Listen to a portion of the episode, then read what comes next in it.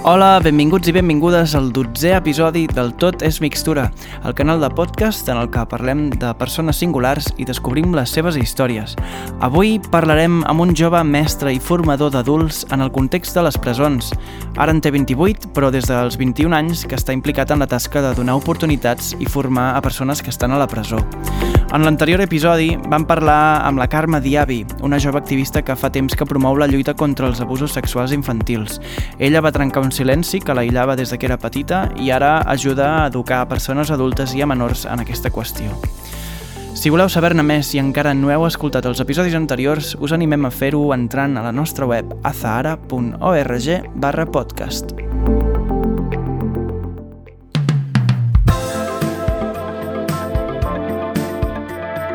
Tot és mixtura, un podcast de l'associació Zahara amb el suport de l'Institut Català Internacional per la Pau.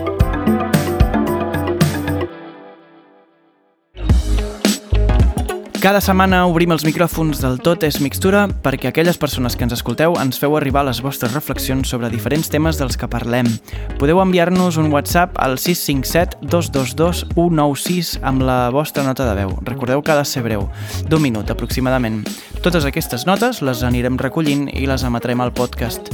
Així ho ha fet en aquest cas l'Ingrid.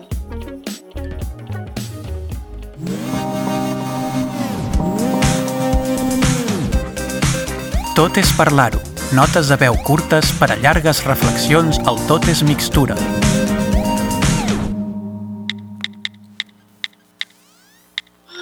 Hola, jo sóc l'Ingrid, eh, tinc 32 anys i sóc filòloga i professora de llengües i literatura. Des de fa 5 anys treballo en un centre de formació d'adults i paral·lelament fa més de 10 anys que imparteixo tallers d'escriptura creativa a adolescents a l'Escola de Lletres de Tarragona, Associació Tarragona Literària. Sempre he pensat que ser professora de llengües implica una gran dosi de respecte, empatia i curiositat pel que fa a la llengua que volem aprendre, però també per les llengües de les quals partim. Penso que per connectar amb, amb l'alumnat nouvingut no tens per què ser políglota, però és important conèixer els trets característics de la llengua mare de l'alumnat. Així doncs, ens podem anticipar doncs, amb, amb les dificultats que puguin sorgir i sobretot tenir molt clar que cada llengua és una finestra al món. Per altra banda, pel que fa a la literatura i l'escriptura creativa, doncs fomenten el que seria la reflexió i el pensament crític i estètic, i bé, això en, una societat que va massa de pressa, doncs el tàndem llengua i literatura resulta essencial per comprendre'ns i per fer trinxera en un món on les humanitats cal que hi tinguin cabuda.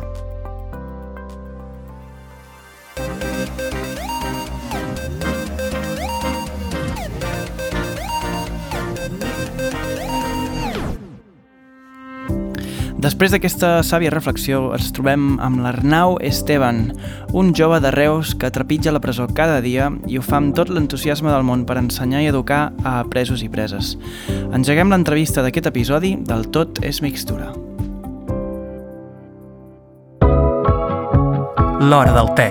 Converses inspiradores per canviar el món. Com us dèiem, avui parlarem amb l'Arnau. Tenim a l'Albert Rodríguez, que s'ha trobat amb ell per parlar de molts temes, sobretot del sistema penitenciari, de la importància de l'educació i de la tasca de moltes persones eh, que fan que és invisible i que ajuden a donar segones oportunitats a aquelles persones privades de llibertat que estan a les presons. El Tot és Mixtura compartim la nostra dotzena hora del te amb l'Arnau Esteban.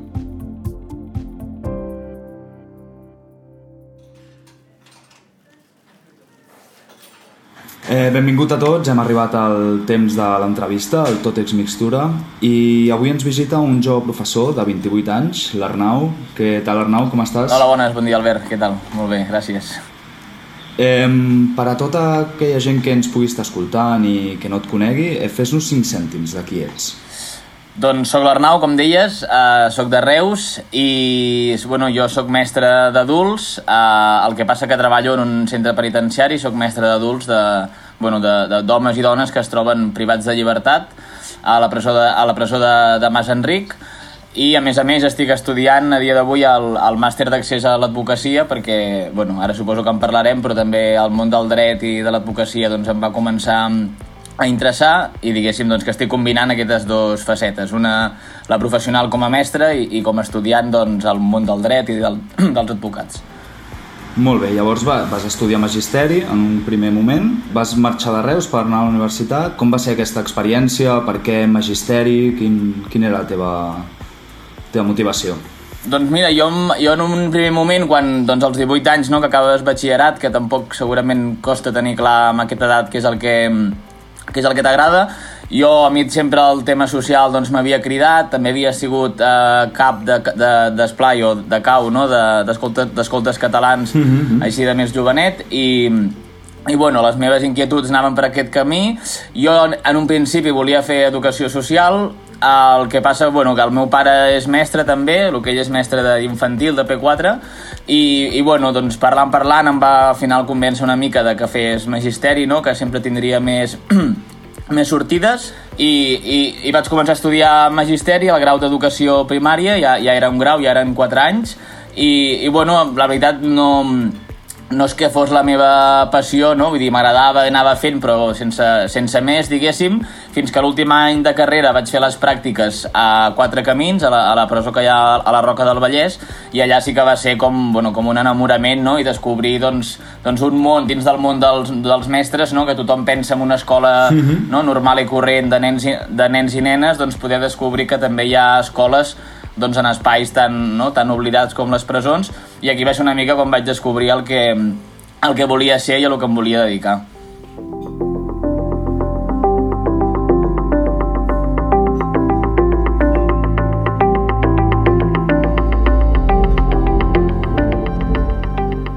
Passant una mica ja al més, a un ambient més tècnic, no? com és una classe a la presó? Com, com funciona? Totes les preses i els presos tenen... O sigui, han de fer aquestes classes obligatòriament? Són voluntàries?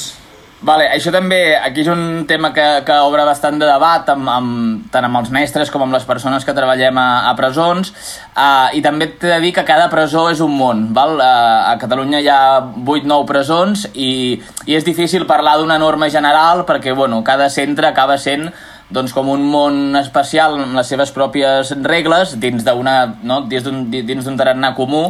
Um, nosaltres el que fem en una escola d'adults és, per les persones que ens puguin escoltar, que sàpiguen el que és una escola d'adults del carrer, diguéssim, nosaltres som, som exactament el mateix, som una escola d'adults del Departament d'Educació, per tant no som ni de justícia no? ni d'aquesta part, el que passa simplement doncs, que ens trobem dintre d'un centre penitenciari.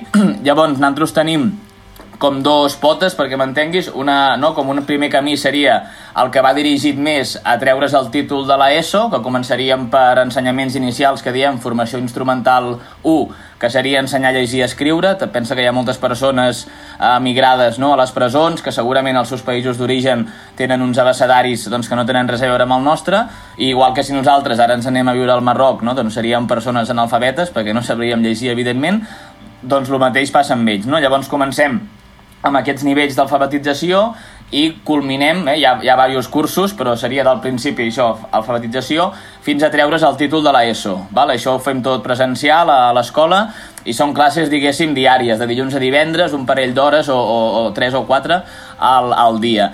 Després, la gent que vol seguir estudiant, doncs, batxillerat o una, no, una FP que es deia abans o una carrera, això ho fan a distància. Val? A les escoles tenim unes aules amb accés a internet, que és un internet que malauradament està molt limitat i molt capat per temes de seguretat, val? tenen les quatre pàgines web bàsiques que necessiten per, per estudis, i llavors aquesta gent, doncs, a, a través de la UOC, de la UNED, tot el lloc, eh, segueixen estudiant. Aquest seria una, la, la, el camí més formal, potser, de les escoles d'adults. Després tenim l'altre, que és el que faríem doncs, català per estrangers, castellà per estrangers, anglès i informàtica. Que aquesta part d'aquí són dos dies de classe a la setmana i és una mica no, com un altre, un altre rotllo, un altre tarannà.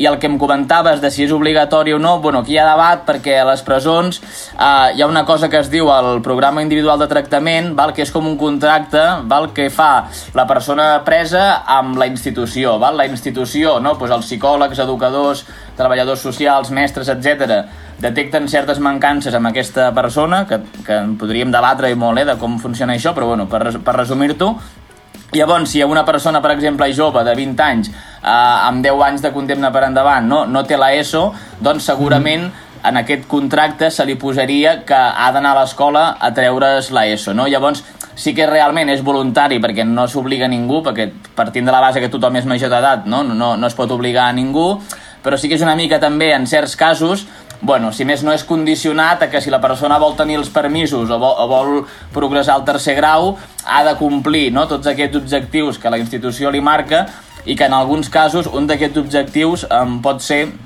anar, anar a l'escola.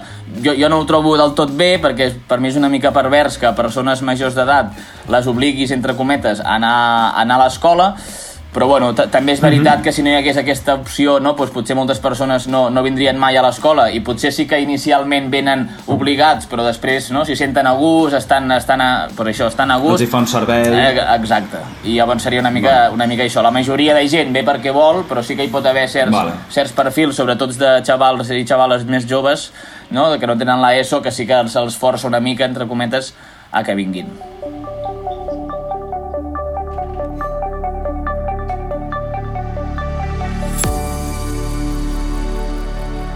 Llavors, en relació a, a aquesta relació no, del dia a dia de ser professor en una presó, vist des de fora pot semblar doncs, una mica complicat. No? Com ha sigut la teva experiència? Des del primer dia, quina va ser la teva primera impressió? I quina és la relació que has arribat a tenir amb, potser amb algun pres o alguna presa? Sí, doncs... No? Inclús d'amistat?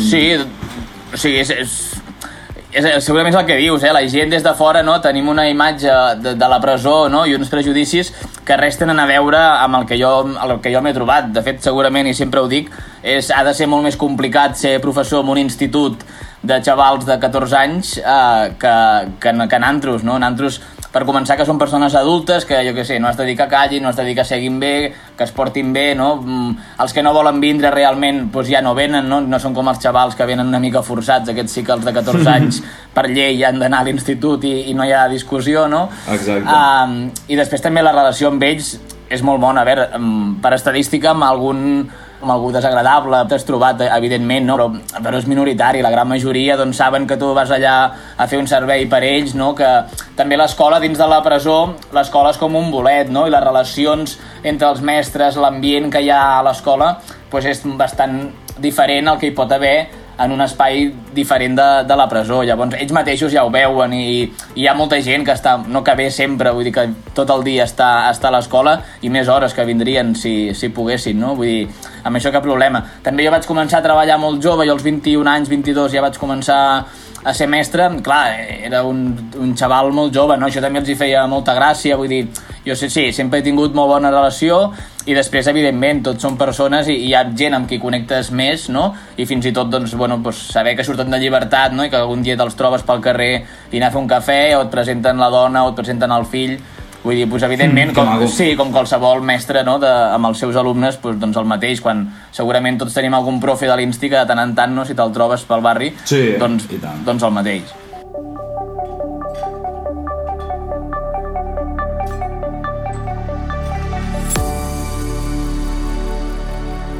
Tornar una mica al tema de, del, de què han de ser les presons, eh, no? sembla que hem arribat a l'acord no? que les presons han de ser espais de reinserció social i que caldria potser aïllar-les no? d'aquesta perspectiva del càstig aquesta, no?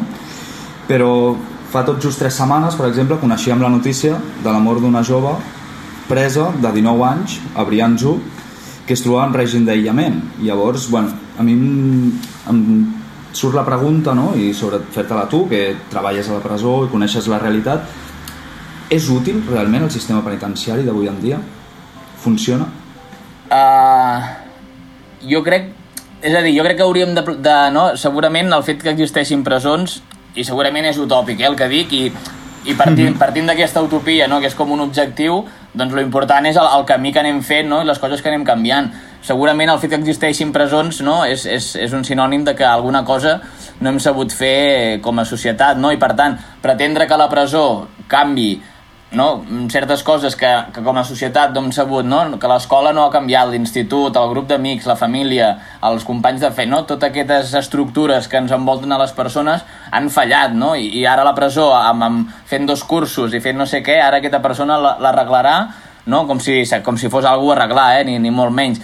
També penso que el, el problema que el problema és social, no? Evidentment, qualsevol persona té una responsabilitat individual quan, quan fa alguna cosa, quan no la fa, però també eh, hem de tenir clar que, que, no? que tots som responsables de, de que hi hagi persones que, que, no? que el seu modus vivendi que sigui, sigui aquest, no? Evidentment hi ha casos puntuals, que, que jo no sóc psicòleg, no? ni ho pretenc ser, que hi ha perfils molt complicats de gent no? doncs que re, pot ser que sigui realment un perill per la societat, bla, bla, bla, mm -hmm. però aquests són la gran, gran minoria, no? Llavors, mm, pensar en les presons i agafant com a referència els que són minoria, clar, si tu mires la majoria, no, doncs la majoria són persones no, doncs pobres, de classe treballadora, moltes vegades persones migrades, no, que, que tot el sistema de la legislació d'estrangeria els hi ha posat mil traves, clar, llavors el problema, vull dir, no, no el té la persona en si, no? sinó que és una cosa més, més, més col·lectiva.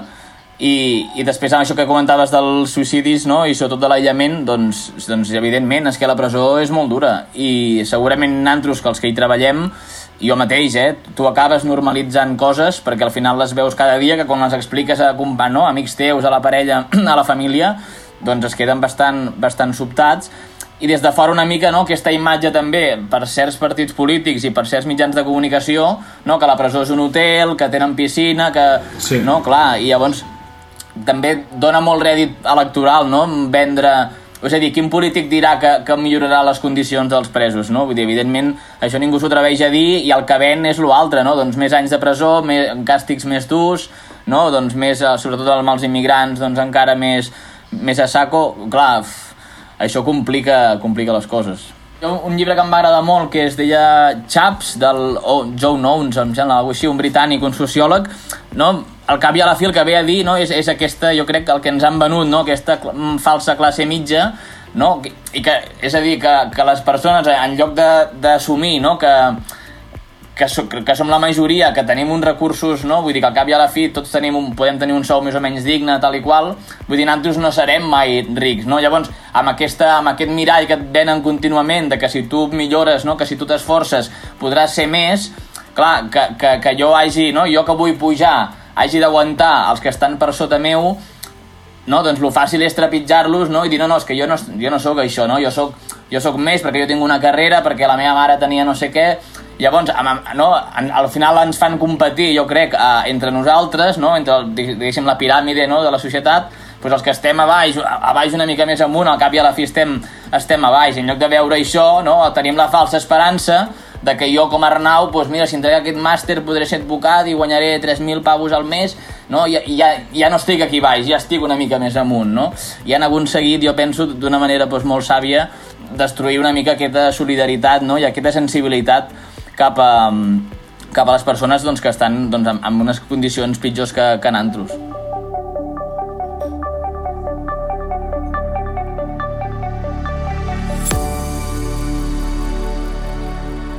I per acabar, eh, quines aptituds diries que ha de tenir una persona que treballa a la presó i concretament com a docent? vale.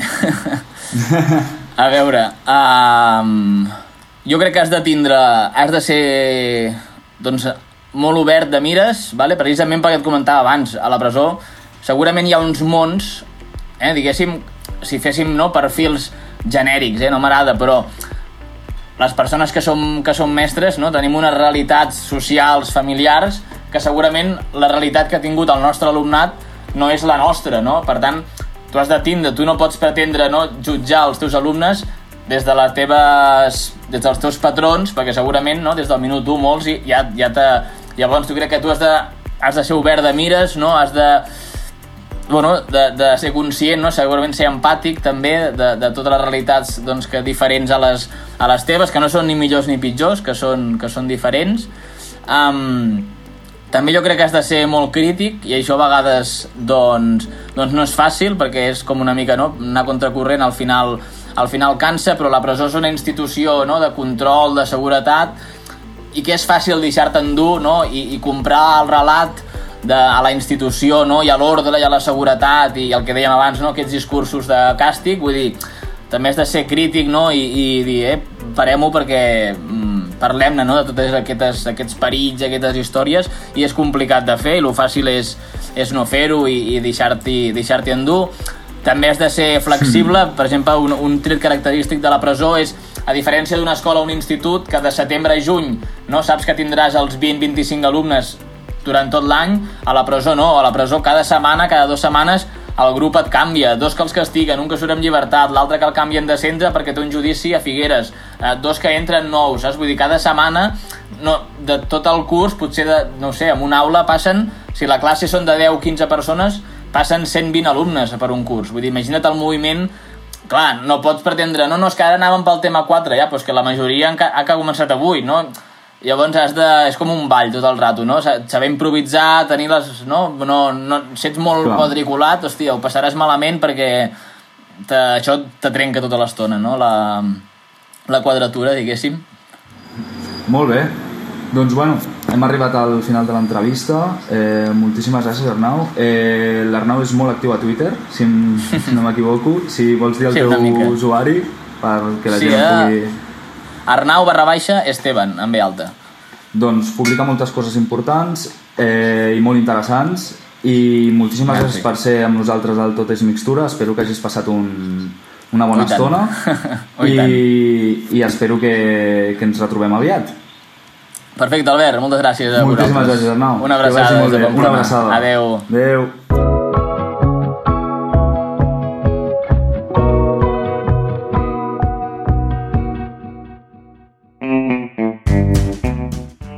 Fins aquí l'entrevista d'avui. Moltes gràcies, Arnau i Albert. Eh, sens dubte, crec que molts de nosaltres haguéssim seguit aquesta conversa tan interessant. Com cada setmana, acabarem l'episodi amb una mica de música, i en aquest cas ho farem amb una cançó d'un jove lleidatà conegut amb el nom de Hoven, i aquesta cançó que es diu Worm.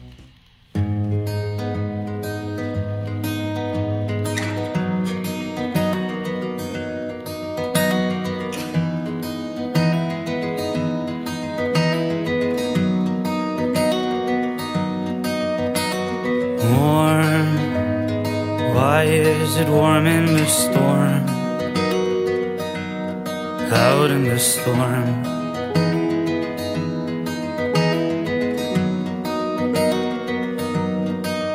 And I'm lost, lost in the rain of my fears. Or is it your tears?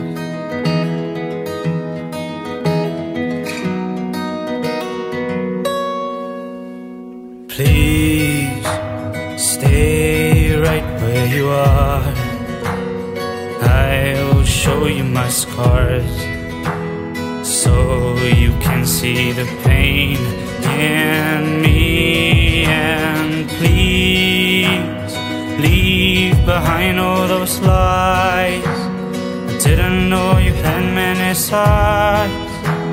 So don't tell me again. It will be fine. Cause I can't believe you anymore long ago.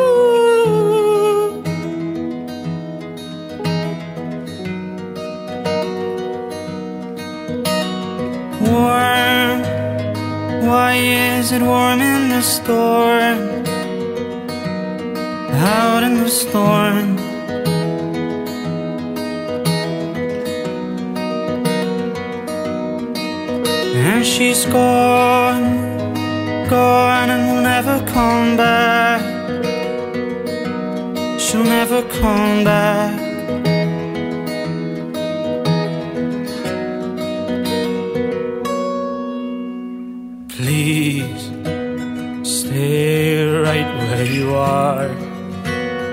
I will show you my scars so you can see the pain in me. And please leave behind all those lies. I didn't know you had many sides, so don't tell me again.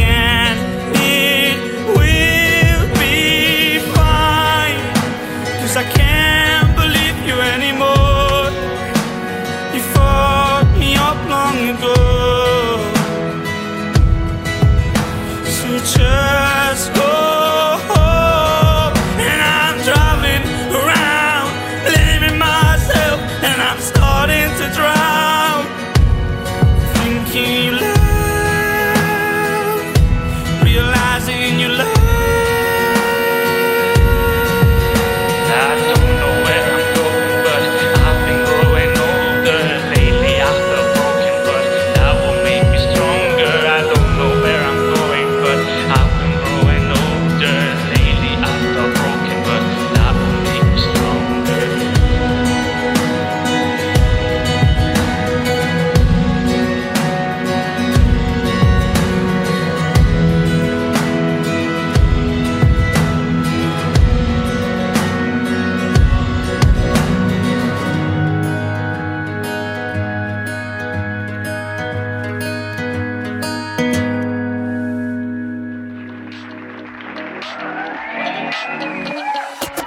Molt bé, fins aquí el podcast d'aquesta setmana. Ha estat un plaer compartir aquesta estona amb vosaltres.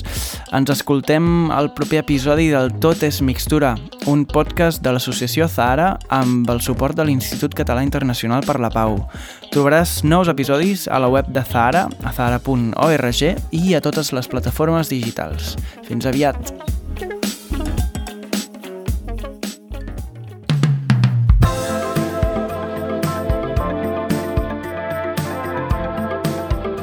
Tot és mixtura.